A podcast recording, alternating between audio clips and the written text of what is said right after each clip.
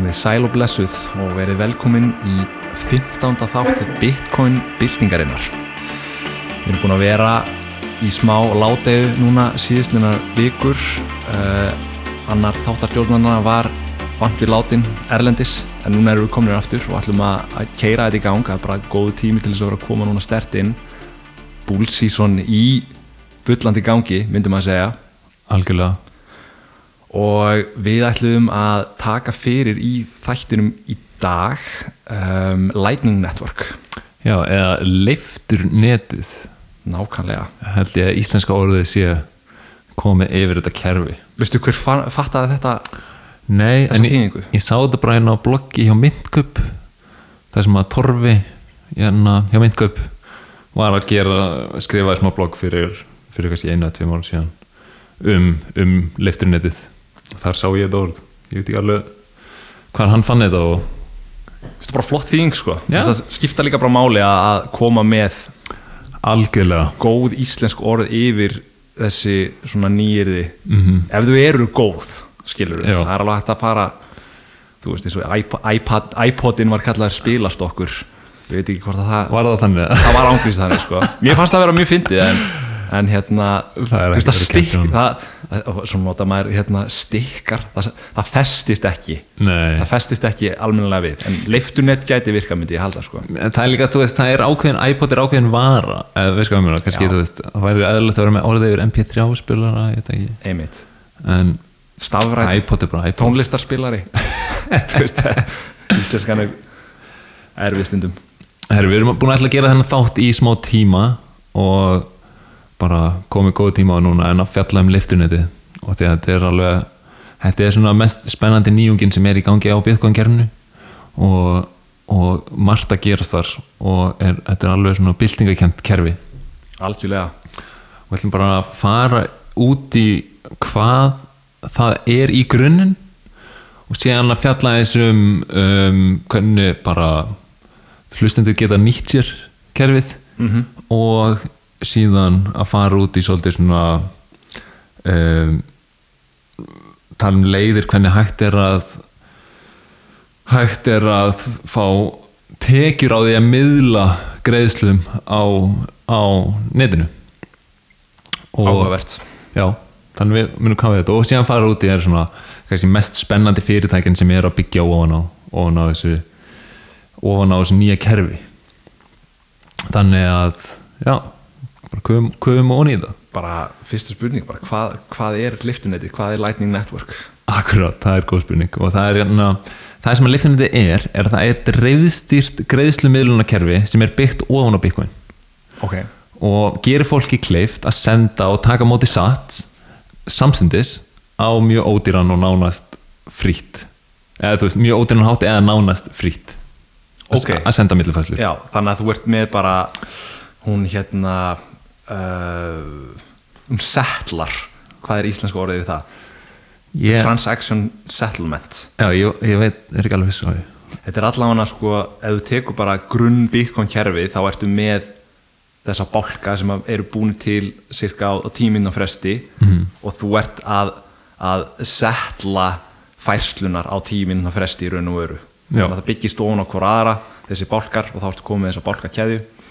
Um, og já, gaggrinnindur hafa talað um að þetta sé einn af svona um, ókostunum við kerfi er að, að kerfi ná ekki að höndla nú margar færslur til þess að eh, þjóna öllum ankynninu í raun og veru. Algjörlega. Og þetta er, þú veist, niðurliðin það sem við kannski köllum bara Bitcoin, eh, eitthvað svona kjarnakerfið, oft kalla Bitcoin Core. Mm og, það, og það er bara svona grunnlegirinn Já, og að grunnlegirinn hann ræður ekki við nema nokkra fæslur og hann að því að eins og þú segir þá eru bálkar komin á tíu mínúna frestum og það tekur þú veist, það getur tekið alltaf tímyndur eða lengri tíma fyrir til að fá færsluna en að setla, og hann að og það getur verið mjög kostnæðsamt í dag hins vegar er mjög ódýrt að millifæra á grunnlegin það kostar ekki nema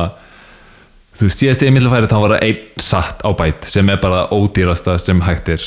Um, þegar þetta var áður síðast þegar að verðin að millifæra á grunnlegurinn voru há þá var það eitthvað um 100 satt á bæt þannig að millifæslan var kannski að kostaði 10 til 20 dollara. Einmitt. Ef þú vildi fá hann í gegn fljóðlega mm -hmm. og, hérna, og að hún myndi taka þá svolítið tíma. Þannig mm auðvitað ekki, það, þetta er ekki hendugt fyrir greiðslu miðlunar kerfi en, en núna nýlega þá er bara búið að vera bara einn satt á bæt og, og þrátt fyrir að við sáum hann allt dæmi gangi í Kína Mhm. þá er samt bara búið að vera bara mjög bara mempúlið eða, eða það sem er kallað svona millifæslur sem er í byð er búið að vera nánast tómt og menn hafa verið að spekulera hvað hafi verið að valda því að fís hafi verið svona há á grunnleirin Mhm. Um, sumir hafa verið að segja að þetta væri kínverski mænarar að spamma uh, networkið Já, til þess færslum. að keira fæsluverðið upp. Áhugavert og síðan þegar þeir hurfu að þá svolítið svona var það ekki lengur gert? Nei. og, og hann að þar leðandi er bara er bara mempúli bara alltaf tómt og bara Já, ódýrt að millifæra í dag. Einmitt. Og kannski áhugavert að fara bara pílundið inn á það, þú veist, af hverju þeir væru þú veist, ef þetta er satt skiluru að þeir sé að spama kerfið, af hverju hafa þeir haga á því og þá virkar það basically þannig ef ég myndi vilja senda þér bitcoin þú veist, þá sendi ég þér hérna þú veist, 0,001 bitcoin í amaliskjöf eða eitthvað skiluru Já. en til þess nákvæmlega það er allir mikið sko Já. en, en hérna og til þess að, að ég verði viss um það að færslan fari til þín á uh, svona ásættanlegum tíma þá set ég ákveð fí inn í greiðsluna. Já, og því hærra sem hérna þessi þetta fí eða þessi raun og veru verðlaun eru því hraðar mun mænerinn sem að hann mænar bálkana og tekur við öllum, öllum fæslunum og, og staðfestirar í raun og veru uh, því, því líklega er að hann muni taka fæslunum þína inn í. Akkurat. Þannig að mempúlið er alltaf fullt af bara millifærslum í byð og þegar mænirinn er búin að ná að leysa gátuna fyrir næsta bálka þá einfallega sópar hann upp einu megabæti af millifærslu gögnum og bætir því við í, í bálkan. Einmitt. og þetta, hann bætir bara við þeim millifærslum sem eru næstari rauðinni eða eru að borga sem, Hæst- hæstu fíin. Einmitt. Og það sem meikar algjörlega sens. Já, og, og það gerir bara svona frjálsmarkaðan svona frjálsan markað inn í grunn kerfinu um, þessi, þetta, þessi eitt megabætar limit sem er á bálkanum það er algjörlega fast. Og það, er ekki, það verður ekki að þetta stekka það. Þannig að þó að þú veist, kerfið þurfi kannski að höndla 100 miljónum manns miljardar manns í viðbót að þá mun alltaf bara vera 1 megabæt sem að hver bálki tekur. Einmitt. Og þetta er til þess að halda fullri nóðu í sem legstri um, þú veist stærð, á skrá í raun og veru. Já, í dag er hún um 400 gigabæt og, hana, og ég er alltaf að stækka en það sem að það sem að hérna, þetta þýðir í raun og veru er að færslur á byggankerfinu, grunnkerfinu eh, eða sem að grunnkerfið er að ráða við er um 10 færslur á sekundu einmitt. Og ef við miðum þetta til dæmis við vísa að þá eru þeir að uh, þá eru þeir að processa um 2000 fæslur á sekundu þannig að þetta er, þetta er ekki nóg til þess að, að þú veist styðja kerfi, greiðslumilunar kerfi eins og vísa og, og þar kemur svolítið hérna, leifturinn þetta inn. En, en til þess að skilja svolítið hvernig þróun byrjaði og hvernig þetta kerfi er þróað að þá þurfum við að spóla tilbaka til 2017 og, og fara í það sem var uh, síðasta svona stóra uppfæsla við byggvangerfið -hmm. á undan taprút sem, sem er núna bara aktiveitast á, á næstu dögum um, að þá er þetta síðasta stóra fæslan og hún gerði uh, kleift fyrir kerfi að vera bæði aðeins svona hagkvæmara mm -hmm. aðeins en að millifæslur tóku minni gögn en það gerði líka kleift að vera með multisig já, á adressur -hmm. og þetta var, allt, þetta var mjög kontroversial þessi tími og þessi, þessi tími var alveg bara svona það var mikið af óvissu og það var stærstu mænirannir og stærstu fyrirtækin á sama tíma og Segwit er að verða að veruleika þá eru þeir að reyna að fá að stækka að- bálkan að stækka bara bálkan upp í 2 megabæt Já, þannig að á tíu mínúndum þá getur þú sett fleiri fæslur inn Já. sem að geta þjóna fleiri mannskjum á þessum tíma þá var bara allt kerfið bara um, mjög congest, congested. Þannig Já, að bara- það var bara fullt af millifærslum byð og mjög dýrt að millifæra. Já, og, og svona stórir playerar í spacinu um, eins og, eins og mænerar og stór fyrirtæki voru að segja að við þurfum að stækka bálkana til að geta þú veist, til að fólk getur borgað fyrir kaffi og, og nota þetta sem greiðslumil af því að þetta á að vera digital cash eins og. Satoshi sagði. Já, en þeir sem voru búin að vera að þróa kerfið og voru búin að vera aðal forritanarkerfinu, þeir sögðu bara nei, við erum, við erum að fara þess að aðrleið þar sem við byggjum nýjan leigjar ofan á þessum grunnleigjar og þar verður greiðslumiðlun. Greiðslumiðlun verður ekki á grunnleigjarnum og það meikar alveg sens eins og það eru tíu mínuna bálkar og, og það meikar í raun og er ekki sens fyrir greiðslumiðlun. Af, því að, af því að þá getur til dæmis kaupandi hann getur borga fyrir vöru og ef hann lampar út úr bú- búðinni með vöruna og það er ekki búið að setla millifærsluna á, það er ekki mænir búin að taka millifærsluna og bæta henni við í einmitt. Þá getur þú cancelað hana út með að senda hann eitthvað annað. Og þetta er svolítið svona, þetta er áhættan þetta er final settlement en það gerist á mínúna fresti Einmitt. Þannig ekki henduð fyrir greiðslumilun Og en að fólk byrja bara að hérna, veltaði fyrir spytu, já ok, er þetta Bitcoin ekki þá bara dálítið skrítið? Þá bara svona til samaburðar að því hún nefndir Visa sko, sem að getur höndlað 2000 færslur á sekundu uh, með við það sem að Bitcoin á, á fyrsta leirun gerir. Sko, Visa og Mastercard og þessar svona hefðbundnu greiðslumiðlanir í, í Fiat-kerfinu skiluru, þær eru held ég þriðji leirinn á peningahagkerfinu sko.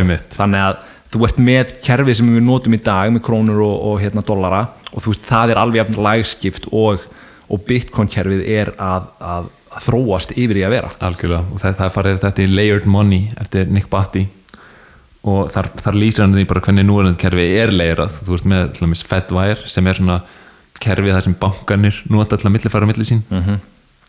en síðan er líka máli með Visa og Mastercard að þetta er ekki final settlement. Nei, nákvæmlega. Og hann eitt sem ég langaði að nefna bara þegar við vorum að tala um þessi block size hérna, það sem var að kalla block size wars. Einmitt. og það var hvort að block size wars bara stærðin á balkanum og bara stríð um, um, um það og það er mjög áhugaverð bók. Ég ætla ekki að fara að ítala í þetta en ég mæli með mjög áhugaverð bók sem heitir The Block Size Wars. Og þetta er algjört bara mösturít og hún fer í- yfir bara alla tímalínuna bara atbyrðarásina hvernig, að því að á þessum tíma þú veist, þá vissu hérna menn ekkert hvað, hvað rétta múið væri og í raun og veru var þetta nöðsynleg hérna tilrunastarfsemi til þess að fara þurft, við þurftum að komast að því að, að þessi hard fork sem að Bitcoin Cash var Mhm. sem að var með stærri hérna bálkum að, það var ekki um, uh, hvað maður að segja rétta leiðin, Einmitt. en við þurftum að við þurftum að prófa það og við fengum líka að sjá að þótt að, að það væri notendunur og það sem er talað um notandi á Bitcoin-netinu er aðili sem er að keira nóðu. Það er notandi. Já, veist, og, anna, og, og þeir stjórna kerfinu.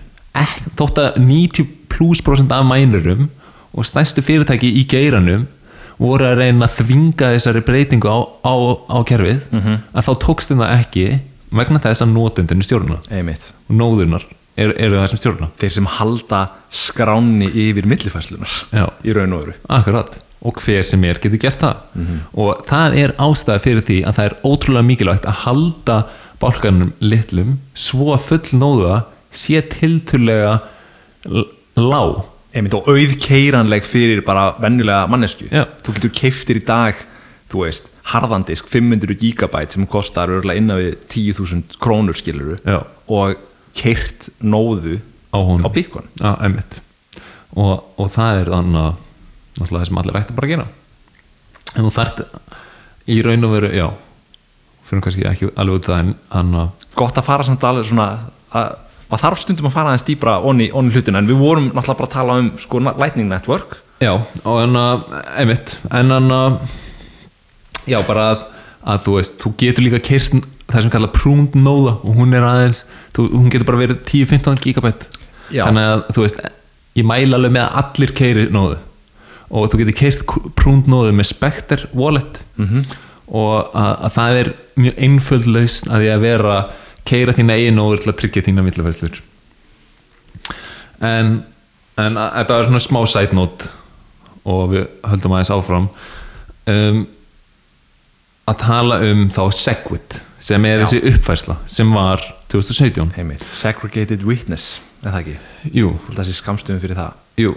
Og að hún innleir í raun og veru um, multisig áfærslur. Og multisig þýðir um, svolítið eins og orðið gefur til að kynna multiple, þetta er multisig eða multisignature. Og það þýðir að- þú getur verið með uh, ef þú ert með multisig þá, þá getur verið með fleiri en einn líkil að tilteknri adressu heimitt, þannig tökum sem dæmi að þú væri með eitt bitcoin inn á adressu og og ég væri með einn líkil og þú væri með einn líkil mm og þannig ef við myndum vilja millifæra út af þessari adressu að þá þyrfti bæði ég að sæna millifæsluna og þú til að mænir geti já, þannig að það eru fleiri en eitt signature á adressuna og þannig að þetta er bara frábæri svona öryggis viðbót í raun og veru. Bara ótrúleg öryggisviðbúð og gaman að gefa til kynna að þetta er eina eign í heiminum sem er með innbyggt multisig kerfi. Magnað. Og þetta er alveg, multisig eitt og sér er mindblowing.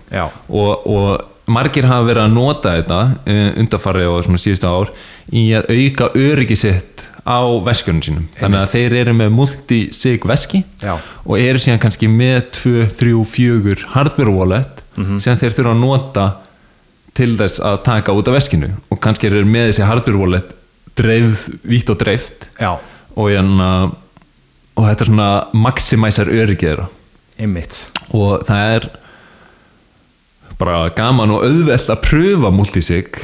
Og ég mæli með Blue Wallet sem er veski í, sím, í síma og mjög auðvelt að nota það. Og ef þú pröfur að setja bara nýtt veski, þú verður bara Blue Wallet og að ná já, þá getur þú gert veski sem heitir Volt.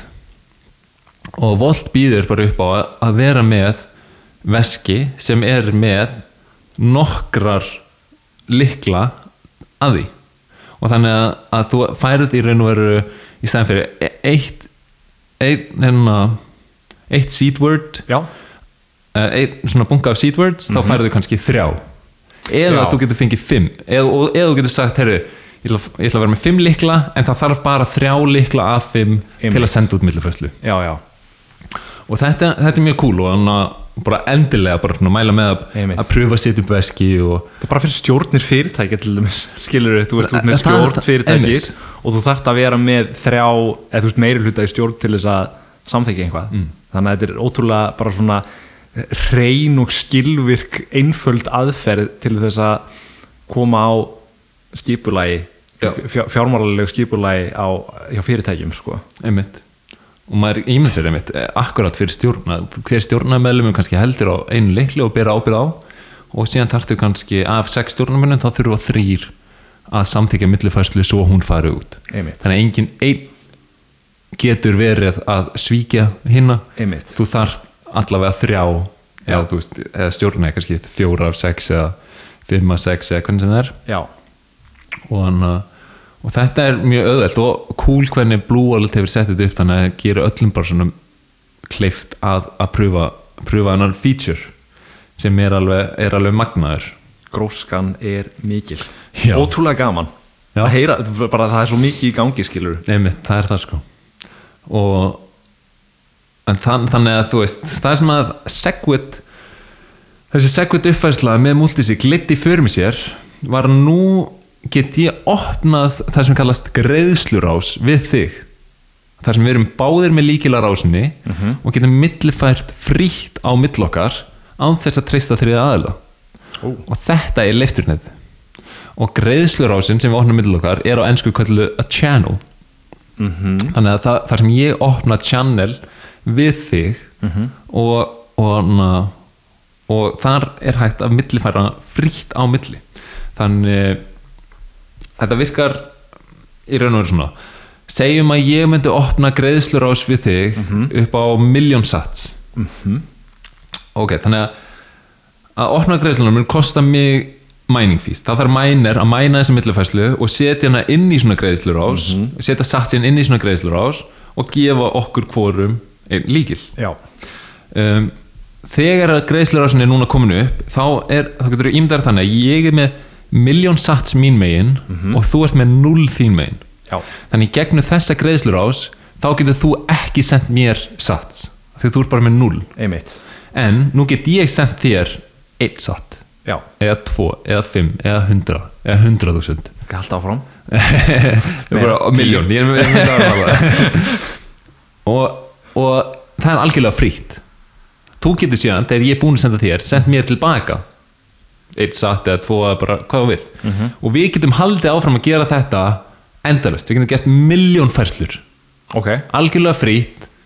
Og á hvaða tímapunkti sem er þá getur síðan annarkvor okkar ákveðið að loka greiðslurásinni og þá settlar hún á grunnleirinnum já og þannig þá tekur mænir hann upp Já. og, og settlar henni inn á mín adressu og það sem að þín megin inn á þín adressu Ok, og sá sem að lokar hann borgar mining fee já, Er það ekki? Jú. Já, og þannig að það sem þetta er það sem þetta er svona að segja okkur er að núna geta tvær millifæslur á grunnleirinnum allt í hennu representað miljónir raun millifæslur já.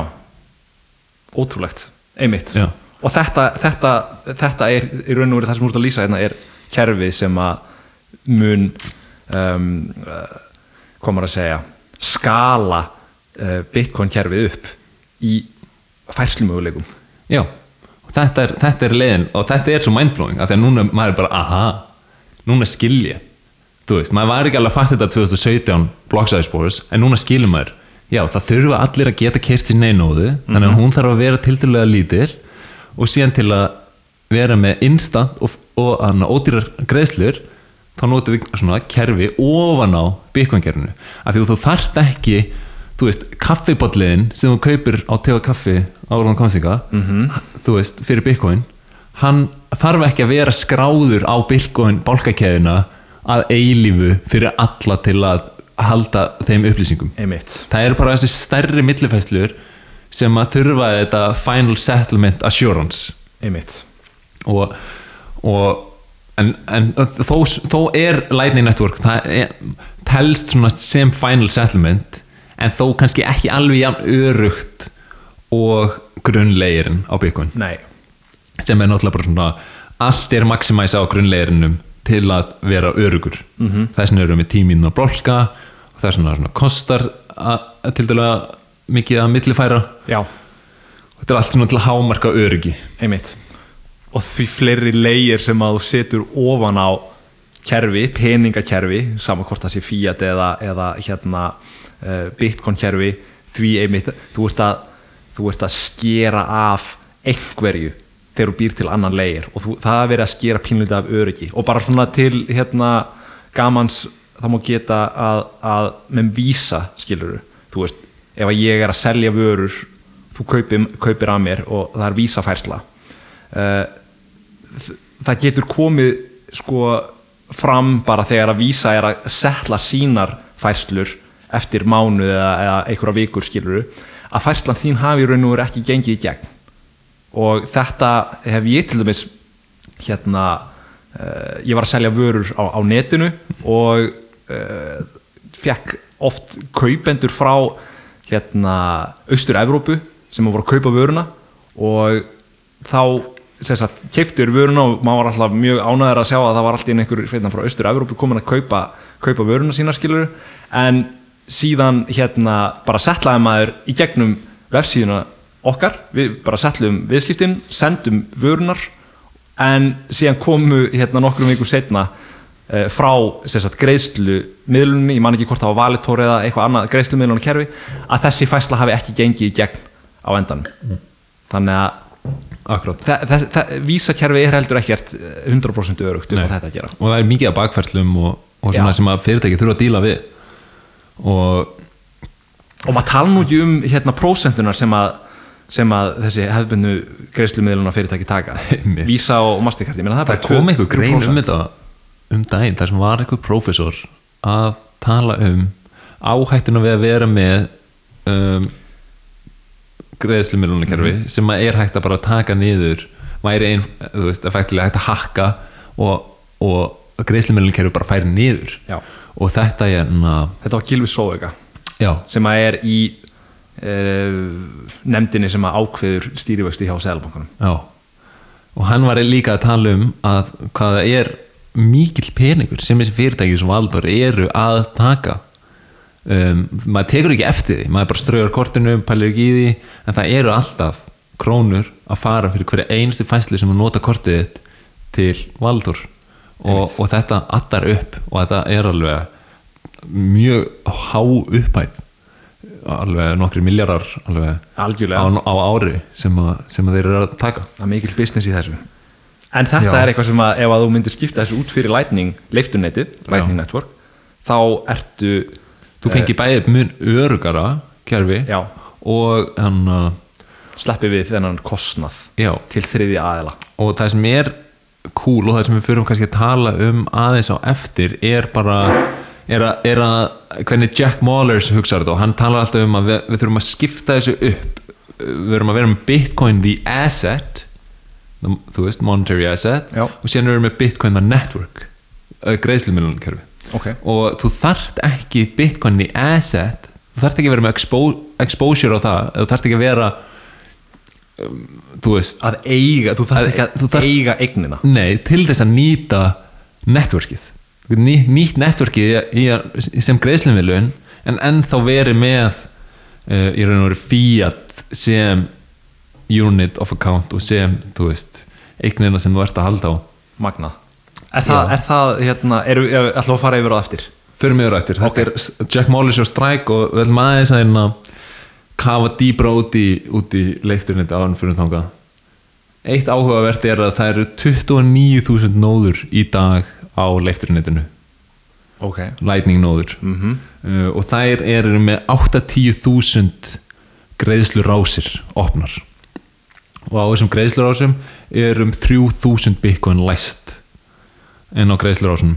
Um, og þetta er um 250 miljónir íslenska króna -hmm. og þetta er að vaksa í veldisvísi. Það er bara massífur massífur vöxtur á lightning. Og sérstaklega núna undarfæri með El Salvador að nýta kerfið Einmitt. fyrir greiðslumiðlun í, í El Salvador. En, en förum aðeins út í sem sagt uh, greiðslurása miðlun. Eða það sem kallast það einsku channel routing. Ok og til að skilja það þá þurfum við aðeins að hérna fara aftur í grunninn. Þannig að við erum með við erum búin að fara yfir hvernig leifturnettið er raun og veru bara svona multisig þar sem við getum að opna greiðslur á þessu milli okkar. Mhm. segjum að ég væri með opna rás við þig og þú væri með opna rás á Brynjar. Ok, og um, þannig að ég er ekki með opna greiðslu á svo Brynjar en ég vil senda honum nokkra satt. Mm þannig að hvernig það virkar er að ég get sendt honum satt í gegnum þig. Þannig að ég er með greiðslur á svona þig þannig að ég, það fara 100 satt frá mér til þín. Já. Og þú setur 100 satt frá þér til Brynjars. En þú tekur kannski einn satt í um, fí já, fyrir þessa millufælli já, einmitt, einmitt. Ok, það meika sens og það líka bara svo ég segja að bara beint út þetta, þú þarft tæknilega séð ekki rosalega mörg channel til þess að ná til allra jarðabúa svona sko. Nei, ég held að allar, allar nóður á leifturnetinu tengjast með mestalagi sex hoppum Vá, það er náttúrulega að tala um hérna hérna Five Degrees of Kevin Bacon. Já, hvað er það? það er, það er hérna leikarinn Kevin Bacon. Já, og þetta er sem sagt uh, allir í heiminum eiga ur, það, það tala um að allir í heiminum eiga uh, tengingu í Kevin Bacon með fimm tengingum skilur þú veist eins og ég þekki Sigga skilur og Siggi þekkir einhvern annan sem að þekkir einhvern annan sem að býr í bandreikurum og hann er frændi hver sem að er Kevin Bacon og þú veist það er hægt að nota þetta pínuliti sem samlíkingu fyrir hvernig Lightning Network Já. getur ná tengi, þú veist þannig, að þú, þú með 10-15 tengingum, þú veist bara komið tengingu á einhvern í Tævan sko. Akkurat.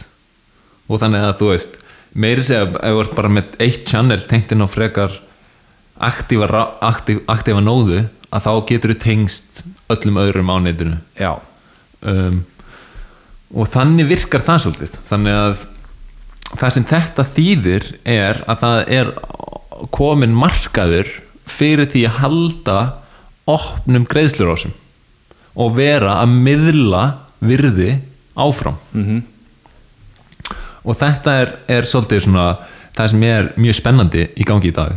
Og, og það sem ég er búin að vera svolítið sjálfur að grúska um, bara með minni eigin nóðina heima og búin að vera að hérna, setja upp svona rásir, greiðslurásir og að reyna að miðla verðmætum eða virði. Og hérna hvernig hefur það gengið? það gengur svona frekar hægt. Það eru ekki, það eru millifæslur að koma í gegn já, en þær eru ekki margar.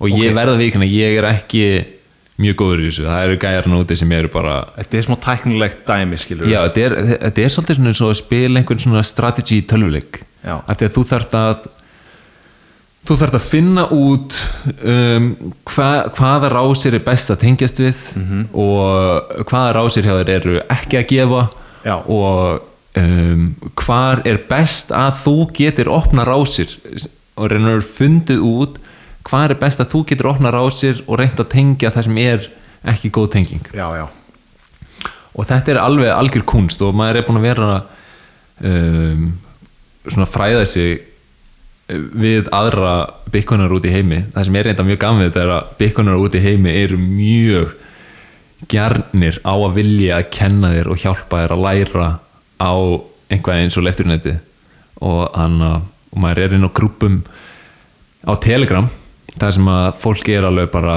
að á fullu að reyna að læra og gera og græja.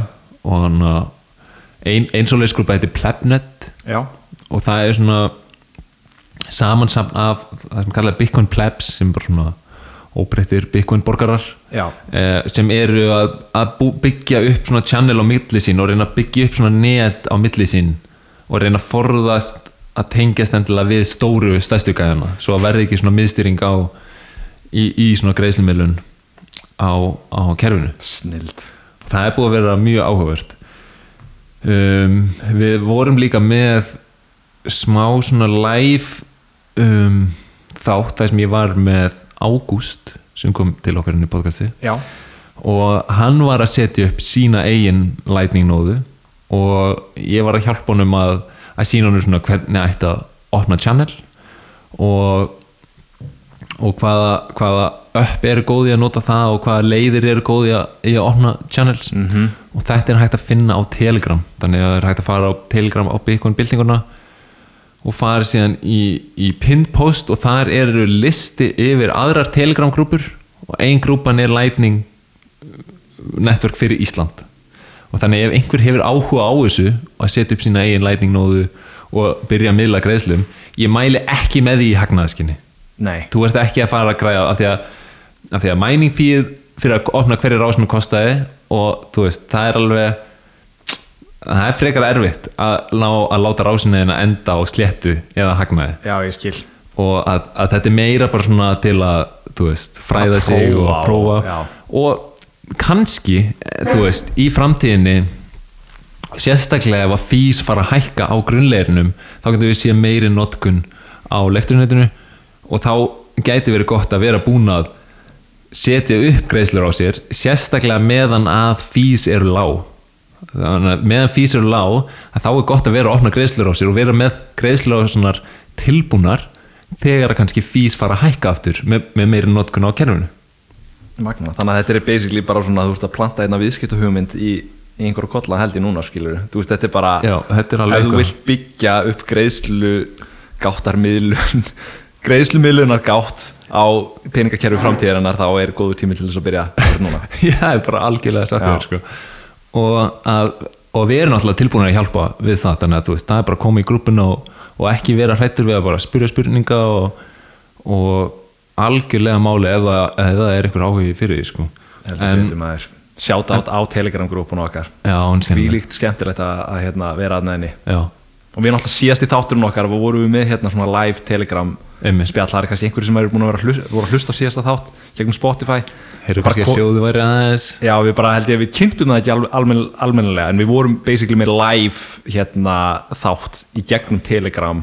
Uh, bara svona basically virkar eins og Zoom. Bara dálítið skemmtilegt svona experiment. Já, og einhvað sem við munum algjörlega að halda áfram með. Já, það sem að þú þarft hins vegar til þess að setja upp svona lightning nóðu er er spes það er best að vera með alveg spes tölvu sem þú notar bara í þetta. Já, af því að þú vilt eitt af því sem þú vilt ekki að þú vilt ekki að nóðaðinn fari offline. Það er mjög slæmt upp á að, að þá hérna ef einhver sendir. og það fyrir ef, ef einhver sendir og það er eins og greiðslur á sig þín sig opinn og síðan er hún offline að þá færðu því raun og veru þetta er svona ranking system svolítið. Mm. þannig að þá færðu því svolítið svona bad score fyrir að vera offline. Og þá er ólíklegra að aðra greiðslur muni reyna að fara í gegnum þið einmitt. Þannig að þú vilt að nóðaðin sé upp alveg 24-7 Þetta er svona ofbeldislaust social ranking system. Já, svolítið þannig. Og, hana, og þannig að það leiðin er að setja upp svona, það sem þú þarft er Raspberry 4 talva Já. Raspberry hana, Pi. Mhm. 4 og, og SSD kort með, með því. Og með þessu þá getur þú sett upp þú getur bara keift bara Raspberry 4 á Amazon og, og SSD uh, disk og nokkra snúrur og þá ertu bara ready to go. Eða þú getur keift um, tilbúin tilbúna nóða sem er sett saman sem Já. er sem sagt bara Raspberry 4 talva SSD-kort og, og svona smá kassi utan á það. Og það var að koma út mjög cool svona nóða frá Umbrell. Og þeir eru að gera software fyrir svona lightning uh, nóður. Og hann að þe- þetta heitir það Bitcoin Machine. Og fæst inn á bara getumbrell.com og það er að hægt að kaupa það Bitcoin Machine. Ég er sjálfur með Raspberry Blitz. Mhm.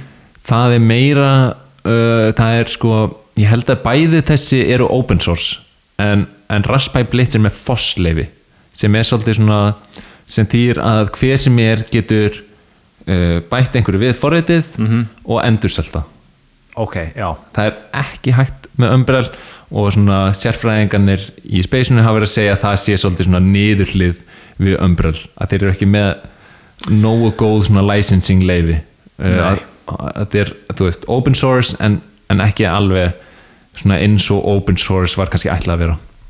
Má ég bara spyrja einna spurningu? Uh, sem þú ert að tala um að búa til nóður og að stopna channel núna skiluru en ef að ég bara sem leikmaður vill fara og nýta mér uh, Bitcoin eða Lightning Network, leiftu neti skiluru mm. bara nota, ég ætla bara þú veist, það kostar bara mikið að nota first layer Bitcoin Core. Mm. uh, hvað, þa þarf ég að vera með Raspberry Pi nóðu uppi til þess að nota Lightning Network? Góð spurning. Og það er, það er ekki þannig.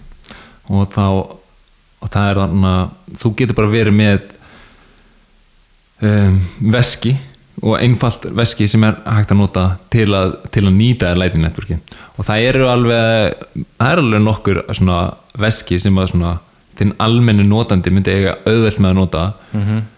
eitt er Blue Wallet sem við nefndum áðan þar sem við gæti sett multisig þannig að í staðin fyrir að velja Volt eða Bitcoin að þá velur Lightning. Og þannig þú getur bara sett upp veski í símanuðinum mjög einfalt, velur lightning.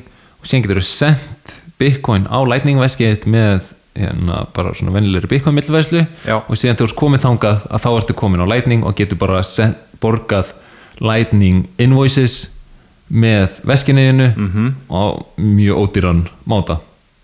Ok, cool. Og Blue Wallet er mjög gott. Annað sem er mjög gott er Moon Wallet. Það er M-U-U-N M-U-U-N og það er svona það gerir svona seamless integration milli Bitcoin Core og Lightning. Þannig að þú veist, þú veski seg, þú þarft ekki búið til tvö veski ekki eitt fyrir Bitcoin og eitt fyrir Lightning. Það er bara eitt veski hmm. sem er mjög auðvelt að nota og, og líka mjög auðvelt að að, að bakka það upp þú getur held ég bakka það upp með e-mail adressinu og svona aðeins notenda vænar leiðir að því að vera með Bitcoin veski Já, já. fyrir algjöra byrjendur þá er Wallet mjög gott Vá, það, er svona er hljómar eins og svona ég er með peningin á bankabók og ef ég er með fyrirfram greitt kreditkort þá þarf ég að milli fara inn á það Já. en þarna væri það bara svona eins og það væri saman Ná, bara, já, mjög góð líking já. Já. Og, uh, og það, það er líka mjög gott veski. Það sem að er Blue Wallet er að það er það er, ek- það er ekki uh, custodial það, það, er segja það er, jú, það er custodial það, það er að segja, þeir eru eiginlega svolítið svona að halda á byggunuðinu Ok, og, og en þú getur nota Wallet með þinni eigin nóðu. Já, þannig að, að það er alltaf best practice að vera með þín einu ég held að Moon sé að bjóða upp á uh, self-custodial en ég, ég gerir mér ekki alveg grein fyrir hvernig þeir fara að því. Um, þannig að en síðan er náttúrulega það er best að vera að keira þína eigin nóðu og síðan vera með veski í símaninum sem tengist þeirri nóðu. Einmitt, og þú notar það síðan til að millifæra. Já. Þannig að það, það er svona þú veist. En bara fyrir svo fólk áttu sig að því þú veist, þetta er allt ennþá í svona, ekki beint kannski early development, en þetta er svona ja, til dælu early, jú þetta er tildulega early ennþá. Kannski ekki bara beginning stages en við erum ennþá alveg svona til dælu early. Þetta er, þetta er ekki það early að við erum með El Salvador að nota kerfiskilur Já. og bara, þú veist, það var heil, heilt ríki sem að tók ákvörðunum að nota bitcoin hluta til vegna þess að þeir þeim böðst aðstof við að setja upp uh, uh, þetta einfalt og þægilega greiðslu kerfi Já. fyrir alla ríkistegna sína algjörlega. með Lightning Network. Að, en við erum samt þú veist, er, þetta er bara svona, svona er þetta, þetta er, Bitcoin er open source uh, hugbúnaður Mm. sem er alltaf í sífelli sífeldri þróun. Og við bara, þú veist, getum alla ímynda okkur hvað á eftir að gerast eftir tvö, þrjú ár. Einmitt, það er margt búið að gerast á þrem árum. Já. og það er nú bara ekki nema fjögur ár síðan að, að að hugmyndunum þetta já og bara þróun gætt farið af stað út af, út af Segwit hafi verið gefið út og þá gætt í rauninu þróunin almennilega byrjað. Já, en ég held að hvítabókin fyrir Lightning Network kom út 2016 já, ok, já. En, en síðan hafið þá þú veist fólk verið að byrja að nota einhvern tímann eftir að Segwit fyrir loftið þannig er eitthvað svona í kringu 2018 sem að fólk er byrjað að nota en, en, en bara með mjög litlar upphæður og, og þú veist margir töpuðu sats og þetta var allt mjög svona experimental. Já, um, það eru fleiri ástæður heldur en bara að miðla greiðslum. Það eru fleiri ástæður til að fá þér lightning nóðu en bara til að miðla greiðslum. Mhm. Ef, þú- ef þú ákveður að fara í þessa fjárfestingu og kaupa nóðu og, og kannski svona setup er að fara að kosta þér svona ef þú setur upp sjálfur kannski kringum 250 dólar eða eitthvað ef þú ætlar að kaupa svona tilbúna eins og Bitcoin Machine frá enna Umbrell þá er kannski svona 400 dólarar það sem þú færð er, er raun og veru allir ágóðar við það að nota venjulega Bitcoin nóðu já, þannig að þú getur verið með venjulega nóðu sem þú ert sjálfur að nota í að innleiða reglur Bitcoin kerfisins mhm. og að ert að sjálfur að tryggja þínar einn millifæslur og ert að auka privacy þitt þannig að, að þú veist ef þú ert að nota veski þar sem þú ert ekki að nota því neði nóðu þá ert að treysta nóðunni sem þú ert að tengjast við já, að þeir séu ekki að leka upplýsingum til þú veist, óprútana aðala já, eða ríkistjórna mhm. eða, eða leka upplýsingum tínum til fjölumila nefnda Já, og þeir fá, það sem upplýsingar sem þið fá er alveg bara IP talaðinn, hvað þú átt mikið bitcoin, hvað eru mörg bitcoin inn á walletinu þínu Mhm. Þú veist þetta eru mjög svona viðkvæmur upplýsingar sem að þú, þú vilt ekki endilega hver sem er viti. Nei, og það sem þú getur líka gert með bitcoin lightning nóðu er að þú getur verið með öll uppin sem að tengjast við lightning. Og þau eru alveg talsvert og þannig að til dæmis getur þú sett upp BTC Pay Server sem er bara bitcoin búð þar sem þú getur tekið við greiðslum. Þú getur líka verið með um, Sphinx sem við ætlum að fara síðan aðeins úti sem er svona social media plattform það er er algjör game changer. Já, það er ótrúlega áhugavert. Og fyrir nánu út í það og síðan eru, eru fleiri upp og það er alltaf að bætast við og bara umbrell til dæmis eru komni með bara frekar juicy bara app store. Já, það sem er, er svona alls konar alls konar forrið hægt að setja upp en við vorum að tala um El Salvador. Og það er kannski gaman að fara núna eins út í það að þeir eru að nýta sér þetta kerfi mm eins og sagðir, til þess að vera með fyrir greiðslumilun í landinu. Og Strike er sem sagt fyrirtækið sem að svolítið var svona forsprakkin að þessu. Og, og þeir höfðu verið að setja svolítið upp operations í El Salvador í kjölfarið af því sem kallað er uh, Bitcoin Beach. Og Bitcoin Beach er eitthvað svona prógram uh, sem fór á stað eftir að það var einhver anonymous Bitcoin gæði sem donataði einhverjum miljónum dollara til Bitcoin Beach. Og hann vildi að þessum Bitcoinum eru dreift á samfélagið. Mm. og, og til að reyna að búa til svolítið svona bara ha- ha- hagkerfi í El Salvador sem væri að nýta Bitcoin. Þannig að það sem þeir gerðu, þeir notuðu Bitcoin í að borga fólki fyrir samfélagsstörf, þeir borguðu krökkum ef að, ef að krakkar voru að læra og gáttu sínt fram á það þá fenguðu Bitcoin fyrir það og síðan fenguðu nokkra svona merchanta til þess að byrja að taka á móti Bitcoin.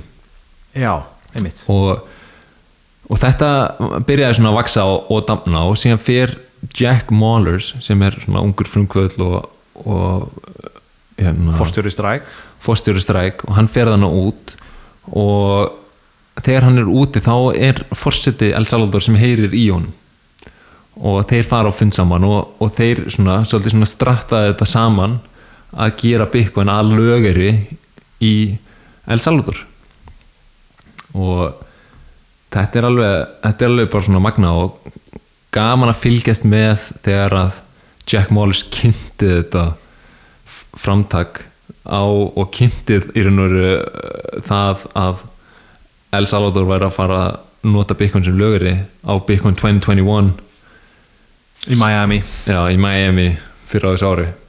Þetta var alveg legendary og alveg mjög svona tilfylninga þrungið einmitt Nei, ég menn það bara allir sem eru að fylgjast með þróun Bitcoin hafa, og, og trúa á framtíð kerfisins hafa verið að býða eftir þessu fyrsta skrefi að, að þjóðríki taki uh, Bitcoin upp Já. sem lögeri og, og, og, og pening sem er notaður um, hjá þjóðinni Já. og það var, ég, ég bara fólk er búið að vera að tala um skilur, þú veist, þetta er að fara að gerast í kringum 2030, 2025 kannski og, en allavega í framtíðin þá verður þetta alveg pottétt en svo gerist þetta bara á þessu ári, 2021 og þetta er bara til marks um það hvað ma, ma, mannshugurinn á erfitt með að, að skinja fyrirbæri sem að eru í valdavexti saman hvort það sé þróun á kerfinu sjálfu eða valdavöxtur notenda eða valdavöxtur í verði.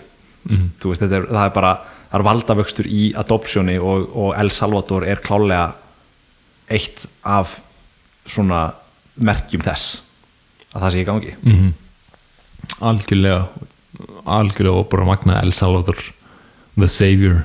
Þetta er allt svo eitthvað pótist en til að kannski útskýra aðeins hvað stræk er að þetta er mjög spennandi fyrirtæki sem er að byggja ofan á leifturnettinu er semst, þeir nýta leifturnettið um, en það er samt eins konar banki byggður samhliða eða ofan á það mm. og uh, þannig að stræk tengist bankakerfinu í hverju landi og en notar síðan lifturnettið fyrir settlement þannig í, í kjölfærið þá geta þær bóðið upp á nánast fríar millifæslur milli landa og instant og fríar millifæslur og eru þar leðandi í svona bara beinni samkjöfni við við alls konar um, við kerfi eins og Western, Western Union sem að Já. margir tekja einmitt. Og hann að sem að fólk notar mikið til þess að senda peninga á milli landa. Já, um, og þú þarft að borga há færslugjöld til Já. þessara þjónustu aðila fæslugjöld sem geta verið alltaf 50% það er raun og veru samt bara millifæslur sem eru kannski í lægri kantinum. Ég myndum okkur kannski 10-20 dólara að þá þarf þetta að borga samt kannski 5-10 dólara fyrir færsluna. En kannski ef þú sendir 100 dólara þá er það líka 5-10 dólara þannig 5-10% Einmitt. en eh, samt sem áður mjög há uppæð sem að, að sem að einstaklingur þarf að, að, að láta út. Og þegar maður talar um þetta í stærra samhenginu Já. þá er sko um, sem sagt ef þú sapnar saman öll, öllum þeim fjármunum sem að El Salvador búar borga í fís til aðila eins og Western Union þá, þá ertu komið með bara hérna pro, einhver, einhverja prósentutölur af heldar GDP eða hvað? Já, þetta, þetta eru bara alveg stjartfæralega háar upphæð Ég held að, já, einmitt, bara svona remittance eða greiðslu sem að fólk er að senda heim er til 40% af GDP hjá El Salvador. Er, er það ekki alltaf mikið svona? Það er alveg viss? Ég er nokkuð sem það. Ok, 40% það er alveg klikkað sko. Já Það er klikkað. Það er algjörlega klikkað. Það eru einmitt ótrúlega margir El Salvador búar ég held að séu 8 ég man ekki hvort þessu 6 eða 8 miljón það er allavega svona innan við 10 miljón mann sem búar en það er rosalega stór hluti eh, fólk sem býr í bandaríkjónum og er sagt að senda peninga frá bandaríkjónum er að vinna þar sendi peninga aftur heim Akkurát og, og Strike er bara algjörlega að disrupta þessu þessu markaði og bara svona algjörlega að disrupta Já. Western Union og, og bara erna, og sérstaklega en, en það sem að tekur tíma er bara fyrir þá að um, setja sig upp í hverju landi af því að eins og ég sagði þá tengist Strike bankakerfinu -hmm. þannig að það gerir þú veist þannig að það, þeir þurfa að setja upp svona uh, operation í hverju landi og ná að tengjast bankakerfinu í dag eru þeir bara í bandaríkjunum og El Salvador. -hmm. en þeir eru að fara að koma til Evrópu og það er bara það er bara á næstu missurum Já. og það mun vera algjör bylting þegar að stræk byrjar í Evrópu. Af því að þetta er alveg bara al, algjör game changer sko. Um, Jack Mollers hefur líka verið nýlega í viðtölum að herja svona eiginlega ákveð stríð gegn Coinbase Já. uh, og þar sem hann er að þar sem að stræk þeir eh, eru með þetta svo vel sett upp að þeir geta búið notendum upp á mjög lág fís og við að, að kaupa bitcoin þannig að þú vilt kaupa Já. þá er geta þær búið upp á nánast 0% fís ekki alveg 0% en, en nánast 0,23% Já. Og með Coinbase sem er alveg 2-3% uh, fís þá er það alveg bara alveg Það bara segir sér sjálf bara, þú veist, ef að, ef að fólk getur sparað, þá mun það spara. já, algjörlega Það er pínlítið þannig. algjörlega og hann að þannig við svona býðum spenntir eftir því að þeir fari að koma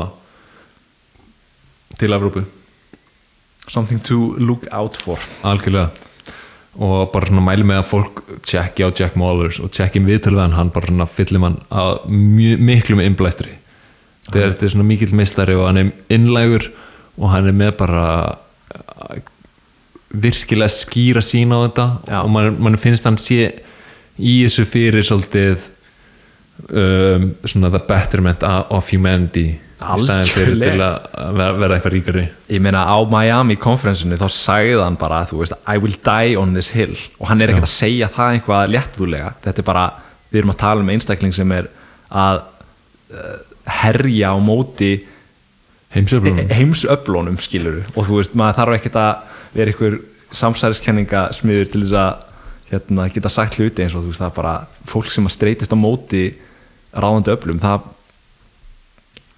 er bara oft hérna tekið út einhvern veginn mm. það þarf ekki endilega að vera með aftöku en þú veist það er einhvers konar tekið úr umferð hvort það sé bara þú veist ég meina Trump er tekin út af Twitter skilur Einmitt. Jack Wallace er að fara á móti ráðandi öflum það var að slökkva á einhverju skilur Já og já, ég er mjög spenntið fyrir þessu og maður hefur líka séð sko ég man að hennar Russell Okung sem er NFL spilari Já. hann byrjaði að fá borgað í Bitcoin. Einmitt. Og það var í raun og verið gegnum Strike. Að Strike eru sem sagt með, þú getur um bankreikning á Strike. Mm og þú getur látið launavitandinn þinn fá þessar, þann reikning. En sem getur sagt við Strike appið já, þegar ég fæ þessa millifæslu þá vil ég automatically að 50% af laununum mínum fari beint í Bitcoin og ég vil fá 50% bara í dólarum. Það var að gera þetta strax í dag. Við þurfum að býða aðeins að Strike er komið já, til Íslands en, en hérna, það gerist örgulega einhvern tíman já, ég veit ekki alveg hvort það myndi gerast koma með Evrópu eða hvort það þurfum að býða lengur. Ja, það kemur ljós. Og þannig að það er mjög spennandi þannig að Strike er svona app sem maður er mjög, mjög spenntið fyrir. Niðurhliðin alltaf við að nota Strike er að þú þarft að gefa persónu upplýsingar. Og þetta er svolítið svona eins og bara vennileg bankareikningur nema ódýrar að milli færa milli landa og, og ódýrar að kaupa bitcoin. Já, og, og, og svona ódýrar að taka það út og svona.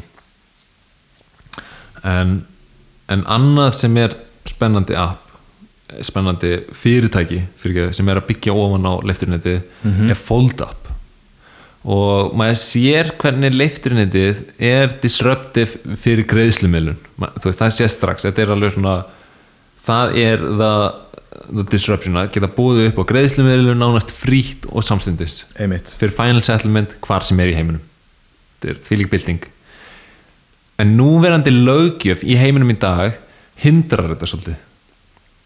Þannig að þú getur ekki verið að til dæmis eigða bygguanuðinum nema og sért íbúi í El Salvador þar sem bygguanu orðin lögurir mm. af því að annars þarf þetta að borga fjármakstekjuskatt mm. af hverju einstu greiðslu. Einmitt og þess vegna er ekki, þess vegna munum við held ég ekki sjá Bitcoin vera að nota þessum greiðslumilun á Íslandi strax fyrir en til dæmis Bitcoin er bara orðið að lögeri að því að annars er þetta svo mikið vesen upp á skattin að gera. Einmitt. Þannig ef þú kaupir Bitcoin á þú veist, gengin í dag síðan hækkar hann 20% og þú ferð og notar þessi í, út í búð þá þarf þú að borga fjármakstekjuskatt af þessum 20% hækkun. Einmitt að þú þurft að selja fjárfesting, eða fjár, fjárfestinguna þína í raun og veru. Já, þú Já. ekki já, eins, og, eins og ríkið sér þetta. Um, þannig að það sem að Fold Up svolítið gerði var að í staðin fyrir að var, var að nýta leifturnettið á mjög svona snjallan hátt. Og það er að bjóða upp á sagt verðlaun fyrir kreditkortafæslur já, þannig að fólk þekkir kannski svona eins og flugpunta Mhm. það sem að fær flugpunta fyrir, fyrir hverja greiðslu á kreditkortinu. Mhm. Eða, eða önnur verðlun það er til svona alls konar prógram með kreditkort. En þá er Fold Up að bjóða upp á Bitcoin. Þannig fyrir hverja færslu sem þú notar Fold Up kreditkortið þitt þá færðu uh, endurgreiðslu í raun og veru upp á 3% held ég um, í sats Vá, og þannig að það er mjög magnað og þetta er alveg bara svona orðið mjög vinsælt kort í bandaríkjunum. Ég skal trúa því. Já, þegar þú færð bara bitcoin tilbaka á hverju einustu fæslu einmitt. Og, og þetta er alveg þetta er svolítið mindblowing og maður hefur að sjá, sjá fólk bara nota þetta kort í bæði þú veist almennar bara að kaupa út í búð eða kaupa gjafabrif á netinu eða, eða, eða hvað sem er en líka bara að fólk hefur verið að finna leiðir til að nota greiðslukortið sitt í að borga leigu eða borga einmitt, eða rafmagn með greiðslukorti og fá 3% alltaf tilbaka í sats. Það er magnað. Og maður þarf ekki að hérna hugsa mjög djúft út í þetta til þess að átta sig á því að ef að þú ert að fá 3% tilbaka í sats Mm. þú veist þá tekur það ekki, þú veist, hversu langan tíma tekur það fyrir þe þetta reward sem þú færð til þess að vera jafnhátt eða verðmætara heldur en það sem þú ert raunverulega að borga til að byrja með. Akkurát og, og svona ég held að þetta verði eina af svona þetta verði eina, af- ein af leiðunum sem að fær fólk til að átta sig á tækifæriskostnaði. Þú þú sér það að endurgreiðslæðin fyrir einhverja Nike skó sem keftir er orðin jafn há og það sem keftir skóin á.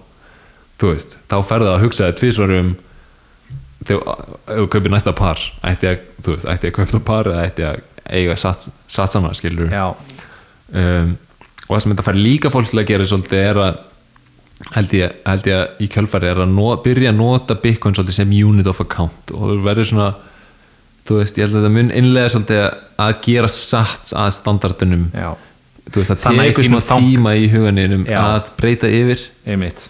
Og þetta held ég að verði einn af svona the catalyst í, Mhm. í að gera það. Og nú þegar Bitcoin verður verðmætara og verðmætara með hverju vikunni sem líður allavega, svona, það, það lítur allt út fyrir að, að uh, verði muni hækka eitthvað núna næstu, næstu mánuði skiluru mm. og því verðmætara sem að eitt Bitcoin er því hérna uh, verðmætara verða undir einingarnar satsinn skiluru, að því eitt Bitcoin hvað er aftur hérna, er ekki 100 miljón sats mm. þannig að þú veist, það er pín, því, því lægra sem verðið er því erfiðara er að, að skipta yfir í þessi 100 miljón sats og svona ok, þú veist, þetta eru hérna 67.000 sats fyrir hverja krónu kannski, en þú veist, þessi tala er alltaf að lækka. Já, og ég held í dag Mér langaði svolítið bara vel á að minnst að byrja að fara að byrja hvern þátt á bálkahæðinni og hvað ein íslensk króna er mörg sats. Einmitt, þannig við kannski byrjum á því í næsta hætti en í dag þá er ein íslensk króna 12 sats. Já. Þannig að við erum alveg við erum frekar nálagt uh, tíu sats á krónu sem er, er mjög, mjög þægilegt upp á endurregna að þá er bara, þá hugsaður bara já, hérna kostar hérna samlokað þúsund kall og það eru tíu þúsund sats þannig að tækifæriskostnaður minn á þessari, þessum kaupum er tíu þúsund sats. Wow. en, en það verður náttúrulega ennþá þægilegra þegar hann er komin í ein króna er eftir einn satt já, og það styttist óðum í það.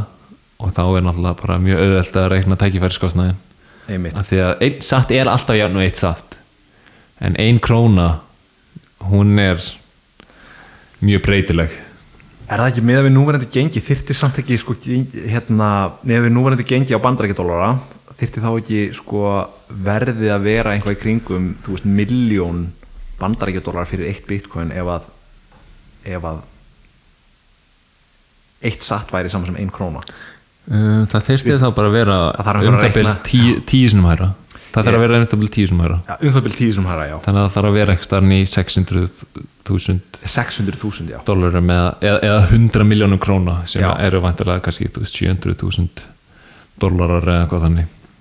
Það er mjög mikið af hérna, starffræði þengjandi fólki inn á telegram-grúpun okkar, við kannski bara fáum einhvern til þess að rekna þetta út fyrir okkur. Við erum vinstra megin við kurvuna IQ, IQ-lega séð sko. Já, því miður. Gerum okkar besta samt.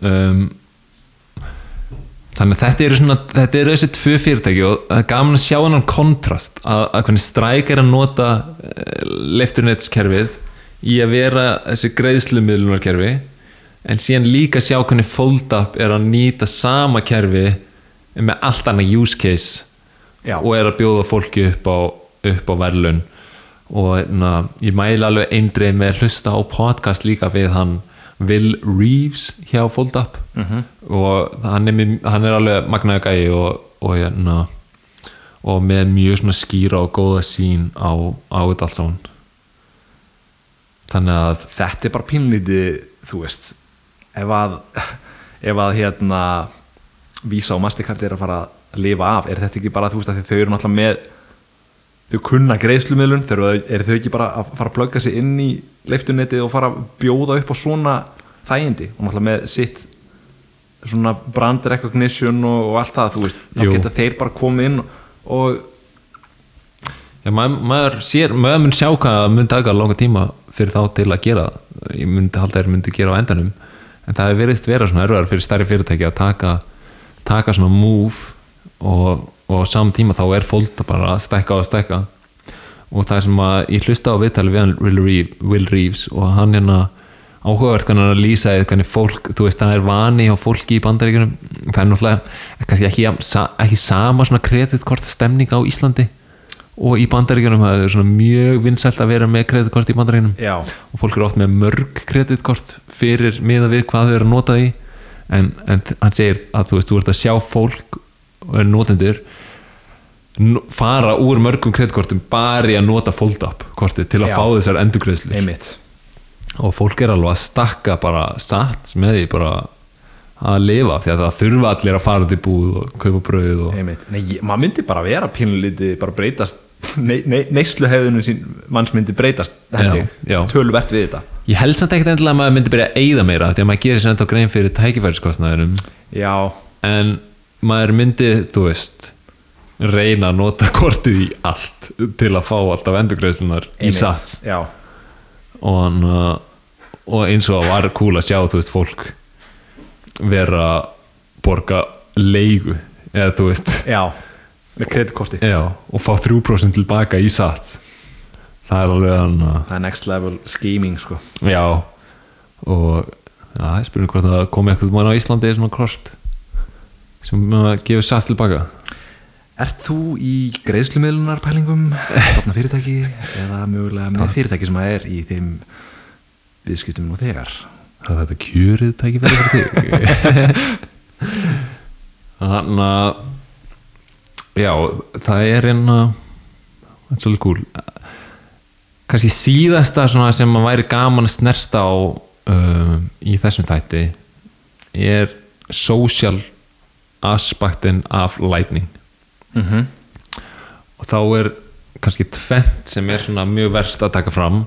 Og það er annars vegar podcasting 2.0 Mm eins og Adam Curry hefur verið nefnda og hann að sem að bjó til podcast basically, eða þú veist hann bara Já. bjó til törmið og hugmyndafræðina í kringum Podcasting. hvað podcast er. Já, og hann er, Joe Rogan kallar hann The Podfather og hann, að, hann var fyrsti gestur hans Joe Rogan þegar Joe Rogan flutti yfir í nýtt stúdíu Texas. Já, þá var Adam Curry fyrsti, fyrsti gesturinn. Og þetta er, er bara algjört legend in the game sko. og hann er núna bara deep down the Bitcoin rabbit hole og er sem sagt að vinna að uh, podcasting 2.0 með og ég held hann sé að vinna með fyrirtæki sem er heitir The Podcast Index. Mm og hann uh, þar sem að og það sem að það er í raun og veru þá ertu bara með í staðin fyrir eins og venjulegt podcast app þá ertu með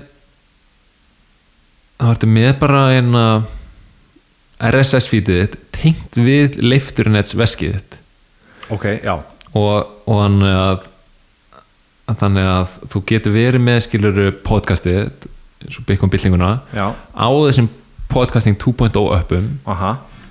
Og getur tengt leifturinets veskið þitt eða lightning veskið þitt við, við það. Mm þannig að hlustendur geta uh, tekið þátt í það sem kalla svona value for value uh, hlustun. Þar sem að þeir senda þér satt fyrir hverja sekundu eða hverja mínútu sem þeir eru að hlusta podcasti Já, þá streyma þeir bara satt til þín já, einmitt, einmitt. Og, hana, og þetta, þú getur ráðið í hvað þú getur sett, þú getur bara ákveða að vilja senda, ég vil senda einn satt á mínútu eða tvo, þrjá eða hvað þú vilt.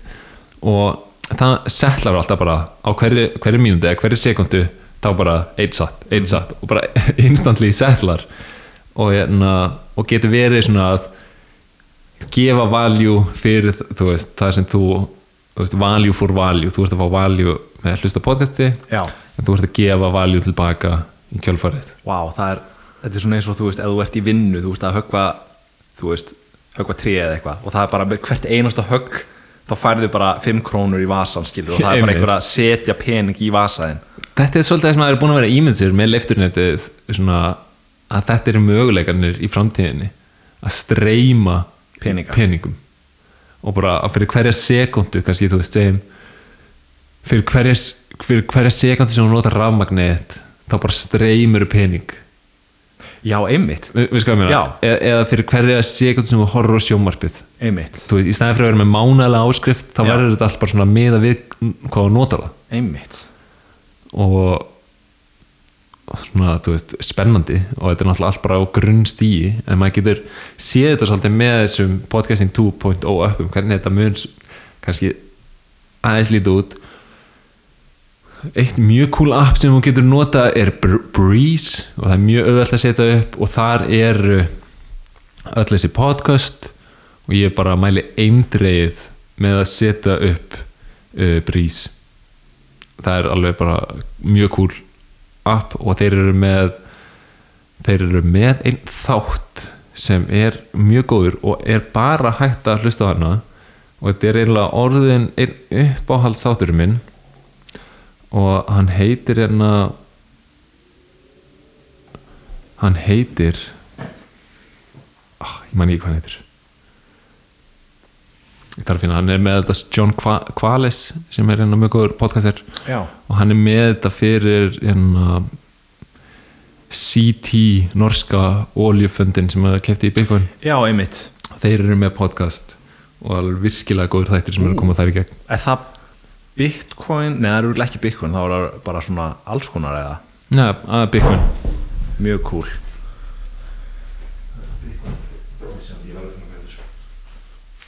hérna þetta er líka bara áhugavert að pæla með sko, hvernig svona kerfi virkar því að það er náttúrulega búið að vera á Íslandi núna mikið í umræðinni með hérna, fjölmiðlanemnd og, og það sko hvað fjölmiðl er og það þarf að borga þú veist, ykkur, ég veit ekki hvað skilur mm.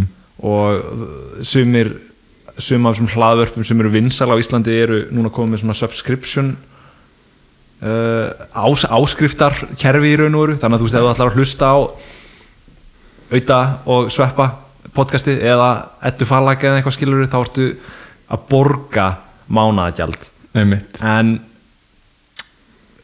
ég held að notendur væru mun eða sko viðskiptavinninni sjálfur væru ánæðari með að bara borga fyrir þú veist, þetta er bara svona paper play pínlítið sko. Já. Og þetta gefur svolítið nóðum bara svona frelsi á því að borga það sem hann vil já, veist, ég vil hlusta á viðtali við Ásker Jónsson hjá Ötta og Sveppa skilur, það er bara hardcore fréttamennska þar, Já. en veist, ég er kannski ekki alveg hrifin að hlusta á hérna, veist þá strákan að vera bara eitthvað að, bylla um skilur og þannig þegar þú ítir að stopp þá hættir að borga. Já, það er svolítið cool. Og, og þetta ánáttúrulega eftir að þróast meira og kannski ekki mun koma eins og podcast sem þú verður að greiða fyrir hverjar sekundar hlustun. Já, í dag er þetta optional, þú ræður hvað borgar þú getur líka boostað eins og heitir. Þá bara svona sendur kannski 100 sats í einu. Bara svona að þú fílaðir eitthvað og bara svona að ég boostaði hérna. Já. Og og fær þá hérna, höfundur efnisins skilaboð um að hann hafi sendt 100 eða svona búst Já, á staðunum þar sem þú ert að tala um eitthvað mjög áhugavert Já, kannski. og maður sér eins og Marty Bent hann er ofta að posta svona screenshotum af símanum sínum, það sem kemur bara svona notification. Ef einhver er að streyma og þá sér bara alltaf hverju mínútu bara you got two sets, you got two sets. Og kemur alltaf aftur, aftur, aftur. Og það er cool að, ta að taka þetta því. Ég er ekki með þætt, nafnið á þættinum en við kannski setjum það bara í show notes. Já, já. um, en þetta er líka bara sko þú veist, þetta, þetta er ekkit endilega bara hlaðverk, þú getur alveg tekið þetta sko, eða náttúrulega Sphinx chat er fyrir það. Já, en Nei, ég, bara, já, þetta er breeze Já, brís segi ég, fyrir ekki En ef þú tekur bara hugmyndina um að streyma peningum, þú veist, þú getur, þú getur verið uh, að skrolla á vísir.is og bara eins lengi, þú ert inn á síðunni í ákveðin langan tíma og borgar kannski fyrir hverja sömu leiðis og þetta myndi hérna geta verið í staðin fyrir það að vera með auglýsingar. Það er nefnilega málið og þú veist vandamáli við fréttir í dag er kannski að þær eru fríar. Af því að þú veist ef eitthvað er frýtt, það er sjaldan frýtt veist, það er sagt ef það er frýtt þá erst þú varan.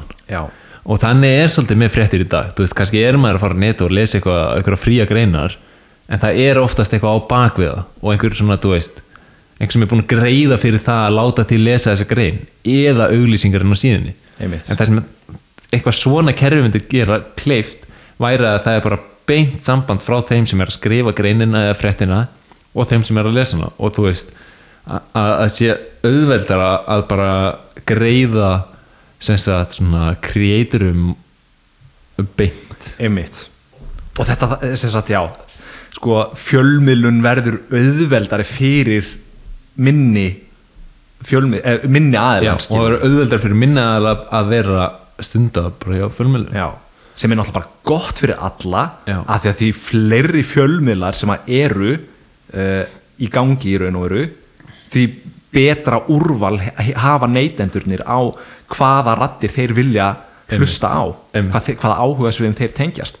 Og ef að litli aðilinn fær greitt fyrir sína vinnu þá er það náttúrulega bara þú veist, hvati fyrir hann að halda áfram að skapa algjörlega. efnið til framtíðar Þannig að við mælum með að fólk bara lóti upp brís veskið sitt tjúni inn á Bitcoin-byltinguna og taki næsta þátt með streyma okkur satt já, come on, let's go.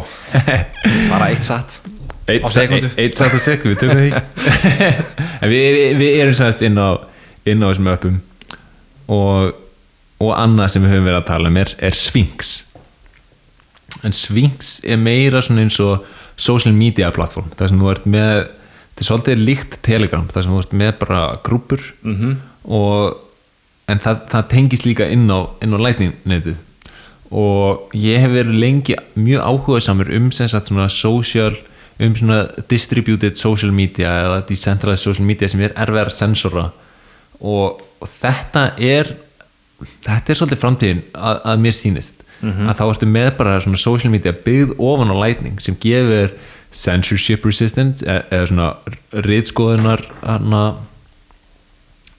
uh, já, og bara ómögulegt að, að rítskoða skilur já, og, og, hérna, og líka uh, encrypted þannig að þú getur ekki lesið skilabóðin það er ekki að þú veist njóstnum það.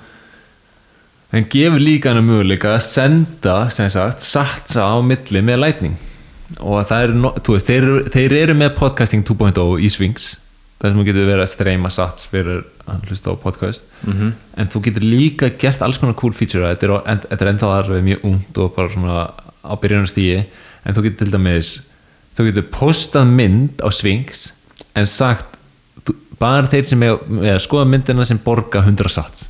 Einmitt. Þannig að þú setur svona þú veist, setur svona lás á eða þú veist, Já. á myndina og, og getur ekki skoðan að nema á greiðir um, þú getur líka gert þannig að þú getur sem sagt, ef einhvers kommentar eitthvað sem þér líst vel á Mhm. -hmm. þá getur þú bústað hann og, og gefið hann nokkra sats fyrir Já. gott komment og mjögulega líka bara sko ef þú ætlar að kommenta þá verður að greiða eitt satt sem að verður Já. til þess að spamerar get, eða þú veist munu ekki halda áfram að, að hérna, senda endalust af einhverju ónauðsynlegu kontenti inn á, inn á vefin Já, og, og það, þetta er líka mjög cool og það sem maður er að sjá að, að þú veist, það er mitt þannig að þú, að þú getur verið með grúpu og það kostar kannski einn satt að posta skilabúðum eða að það kostar kannski 100 satt um, að senda skilabúð en þau eru bara læst í smá tíma þangallu eru síðan greitt tilbaka mm. og e, þú veist, ef þú veist ekki, þannig að þú borgar alltaf 100 einmitt. en ef þú, það sem þú ert að posta er ekki spam já, að þá færðu það endur greitt eftir tvo klukkutíma. Þetta er bara eins og að fara í sundlög og setja 100 kall fyrir lásins innskilur og fær maður tilbaka þegar maður snýr leiklinum já, þetta er nákvæmlega, þetta er nákvæmlega sama. Þetta er bara ekki tína leiklinum já, ekki spama og vera óþólandi einmitt. Og ef þú spamar ekki þá bara færðu það endur greitt já, og þetta er alveg, þetta er svolítið cool. Þannig að það er mikil þróun það er mikið að gerast, maður er að sjá þessi upp vera að delivera nýja feature þú veist, oft, oft. Og þetta er allt bara mjög spennandi. Líka allt á byrjunastíði en maður sér einhvern veginn að þetta er að mínum mati þú veist, nýji leirinn af internetinu. Já, og, og maður er búin að sjá líka eins og það er það eru möguleikar eins og að sign nota lightning sem sign-in. Mm. Þannig að þú ert að logga inn á okkur heimasíðu þá þarf ekki lengur að gefa kannski upp okkur persónulega upplýsingar, þú bara notar lightning líkiliðin Mhm. sem er ekki tengdur við þig nafnið þitt eða, eða persónulega þig Mhm. og, og notar það til að logga inn. Þannig að þú veist það er komið svona sign in with lightning featurear Mhm. sem er mjög cool og hana, mjög spennandi. Og maður er bara svona það er svo margt í gangi. Einmitt. Maður er alveg bara svona og mikil ólga svona u- undirliggjandi í bitcoin svona ecosysteminu já, og því ja, þú veist, náttúrulega bara verðið er eitthvað sem að þú veist, maður er ekkert eitthvað, alltaf eitthvað að tala endalust um þetta verð á bitcoin en nú erum við í þessu bull seasoni og því hærra sem verðið fer því meiri kvati er fyrir einstaklinga að koma inn í kerfið og þá aukast um, net áhrifin the network effects og a- sem sagt, fyrirbæri eins og þú ert búin að vera að lýsa með hérna, Lightning Network og öll, öll þessi svona application sem að tengjast því kerfi það verða náttúrulega bara fleiri notendur sem farin á það og þau notendunum byrja síðan að byggja þau kerfi upp líka þannig að það verða net áhrif innan net áhrifana í Bitcoin kerfinu Já. sem eru innan net áhrifana á hérna internet kerfinu skilur já, þannig að þú getur farið svona bara aftur og aftur og aftur. Einmitt. Þannig hvar byrjaði þetta eiginlega? með bara eitthvað mother of, af öllum netáhrifum byggt inn í þetta magnaði kerfi.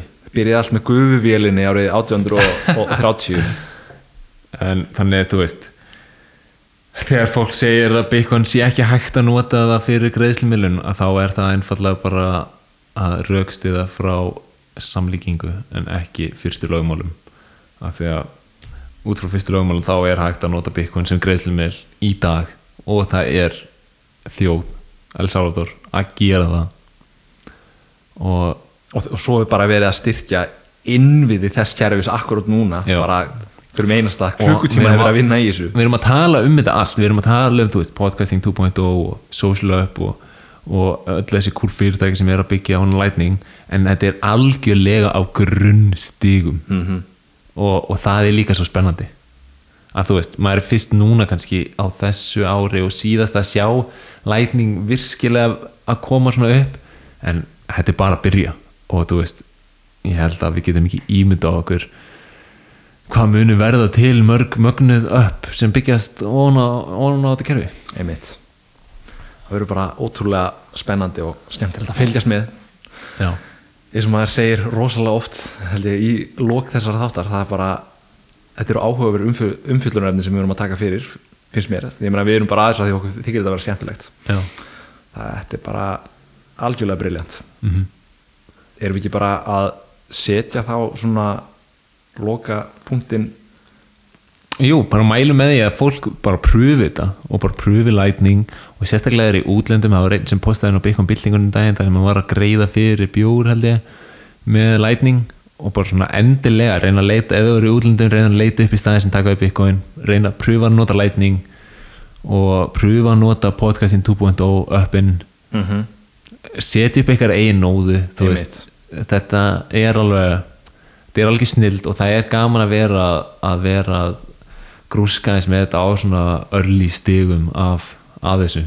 Algjörlega. Og bara að því að þú ert að nefna þetta að því að þú veist það er kannski svona smá step up að fara í, að prófa hérna lightning network kerfið uh, sumir er ekki eins og búinir að prófa bitcoin core, bara first layer kerfið. Já, einmitt. Að því að þeir kaupa kannski bitcoin og, og geima hjá, þú veist inn á myntkaupi eða inn á Coinbase eða einhver staðar skilur sem að þú veist þetta er bara persónlegt valfólk sem við náttúrulega tölum um mikilvægi þess að halda sínum eigin liklum ef að fólk vil prófa sig áfram í að sjá bara hvernig millifæslur eiga sér stað í Bitcoin kerfinu bara fyrsta layerunum þá geta þeir downloadað uh, uppum eða að veskjum og farið inn á testnetið. Mm. þú getur farið inn á Bitcoin testnet þannig að þú tengist í raun og veru þetta er ekki eins og að vera með Bitcoin inn á skilur og þá ertu bara með testnet og þá getur þú sendt inn á einhverjar svona bara svona dömmi adressur. Mm. Bitcoin ég held að fáir veist inn á testnetinu einhverjar, þú veist, 5 bitcoin eða eitthvað skilu Já, sem já. væri náttúrulega geggjað að eiga í raunveruleikunum en hérna, þú ert með þess að testneti til þess að prófa því áfram og sjá bara hvernig kerfið virkar. Akkurat. Og þá ertu bara með svona sér bálkakeðju sem að er bara up, up and running líka fyrir, fyrir þetta. Já. það er mjög áhugavert að, prófa sig allavega með því til að sjá bara hvernig þú getur verið að senda þú veist 0,1 bitcoin yfir á annað veski. Það er eitthvað svona pínlítið magic sem að gerist í hausnum á sér þegar, þegar maður sér þetta verða að veruleika. Akkurat. Ég held líka nefna þá held ég að það sé hægt að fara í klippingu á Greifin Barbershop og ef þú fyrir klippingu til Eiríks þá getur þú borgað klippinguna með lætning er við nokkuð vissum. Vá, það er þannig frekar cool sko. Ef ykkur vil pröfa það hann að Bitcoin barberinn, að þetta er Bitcoin Barberin Greifin Barbershop geggjað. Ég ætla að bóka sjátt á hann. Já, algjörlega. Frumkvöðl já, algjör. Herðu, Herru, beautiful. Þökkum bara kjallaða fyrir áhyrnina og við sjáumst á Telegram grúpunni og í næsta þætti. Bara alveg snill fylgist þið með, takk fyrir